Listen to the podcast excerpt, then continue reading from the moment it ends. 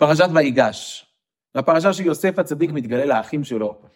ובסוף הפרשה כותבת לנו התורה הקדושה את הפסוק, וישב ישראל בארץ גושן ויאחזו בה ויפרו וירבו מאוד. לכאורה פסוק ממש מקסים. עם ישראל יושב בארץ גושן, נאחז, פורה, פורה, משתרש בארץ גושן והכל טוב והכל נחמד. אומר הכלי יקר, לא. הפסוק הזה בא לשקף את החטא של עם ישראל. למה את החטא של עם ישראל? מכיוון שעם ישראל, איפה הוא משתרש? בארץ גושן. והמקום של עם ישראל זה לא ארץ גושן, המקום של עם ישראל זה ארץ ישראל. יכול להיות שזה גם הפשט בדברי חז"ל הקדושים. חז"ל בפרשת שבוע הבא, רש"י מביא את זה. ויחי יעקב בארץ מצרים, למה פרשה זו סתומה? הרווח בין פרשת ויגש שלנו לבין פרשת ויחי בספר תורה זה רווח של אות אחת. לומר שמשנפטר יעקב אבינו נסתמו עיניהם וליבם של ישראל מצרת השעבוד. ולכאורה התורה משמיעה את העניין הזה בדיוק במקום הכי לא מתאים, בין וישב ישראל בארץ גושן מצד אחד, ויחזו בה ויפרו וירבו מאוד, לבין ויחי יעקב בארץ מצרים, לכאורה פסוקים נחמדים וטובים. בדיוק פה התורה ממחישה לנו את העניין של הגלות, והתשובה היא כן. אם אתם לא נמצאים בארץ ישראל, אם אתם נמצאים בארץ גושן, אם אתם נמצאים בארץ מצרים, אז גם אם ויאחזו וגם אם ויפרו וגם אם הכל בסדר, אל תשכחו שאתם בגלות. לכן כותב הכלי יקר שהפסוק הזה מדבר על חובת עם ישראל ולא על מעלת עם ישראל. כותב אור החיים הקדוש בפרשת שמות, חז"ל הקדושים אומרים לנו שכל זמן שאחד מיורדי מצרים קיים, לא היה שיעבוד. לאידך, כתוב שיוסף, שמשה רבינו, כאשר יוצאים ממצרים, ואיפה הוא יודע היכן קבור יוסף, אז הוא הלך ושאל את סרח בת אשר. נשאלת השאלה, הרי סרח בת אשר הייתה אחת מיורדי מצרים, איך יכול להיות שהיא יוצאת ממצרים? היה שיעבוד, ודאי שהיה שיעבוד. הרי חז"ל הקדושים אומרים כל זמן שאחד מיורדי מצרים קיים, לא היה שיעבוד.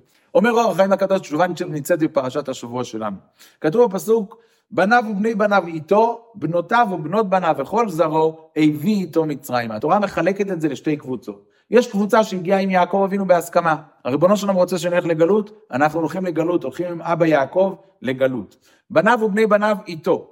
בנותיו ובנות בניו וכל זרעו, הביא איתו מצרימה. אבא נסע, סבא נסע, אין ברירה, כולנו יורדים, אבל הם לא באו לקבל את גזירת הגלות. אומר אור החיים הקדוש, מי שקיבל את גזירת הגלות בהסכמה, הוא זכה שבאמת לא היה לו שיעבוד. כי סמא דייסורי קבולי. זאת אומרת, הרפואה לייסורים זה לקבל אותם. כאשר בן אדם מקבל את ההנהגה של ריבונו של עולם, אז הקדוש ברוך הוא חוסך לו את הצרות, כי ברגע שהוא מקבל, אז הוא חוסך את הצרות עצמם. בפרשת השבוע שלנו, כאשר יוסף מתגלה לאחים, אומר להם יוסף את המילים, אני יוסף.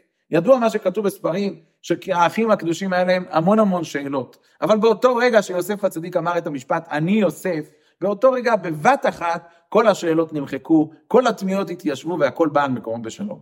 כתוב בספרים הקדושים שכל העולם שלנו מלא עם שאלות. אנשים שואלים למה, איך, כמה ומדוע.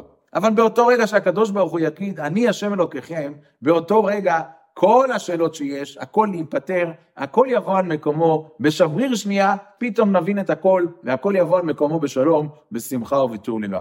אז אנחנו נמצאים במקום שאנחנו מתקרבים לרגע הזה.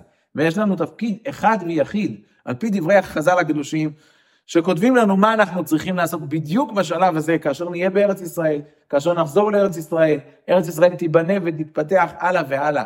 אבל כל זמן שעם ישראל לא יגיד, ריבונו של עולם, אנחנו רוצים לצאת מהגלות, אנחנו רוצים לחזור למלכות שמיים, למלכות בית דוד, לבניין בית המקדש, אז זה, רחמנא ליצלן, נצטרך לחכות. אז התפקיד שלנו זה פשוט לפתוח את הפה ולבקש. לומר לריבונו שלנו, ריבונו שלנו, אנחנו מחכים לרגע הזה, שתגיד לנו, אני השם אלוקיכם. וכל זה תלוי בפה של כל אחד ואחד מאיתנו. פשוט לפתוח את הפה ולהגיד, ריבונו של עולם, אנחנו רוצים לחזור הביתה, אנחנו רוצים לחזור לארץ ישראל. הווה אומר, ברוך השם, גם מי שגר בארץ ישראל, אבל רוצים לחזור לבית המקדש, רוצים לחזור למלכות שמיים, רוצים לחזור למלכות בית דוד. זו הבקשה שלנו. אז בעזרת השם נזכה שנבקש ובעזרת השם בסייעתא דשמיא נחזור לציון עיר הקודש במהרה בימינו בשמחה ובטוב לבב. שבת שלום ובשורות טובות.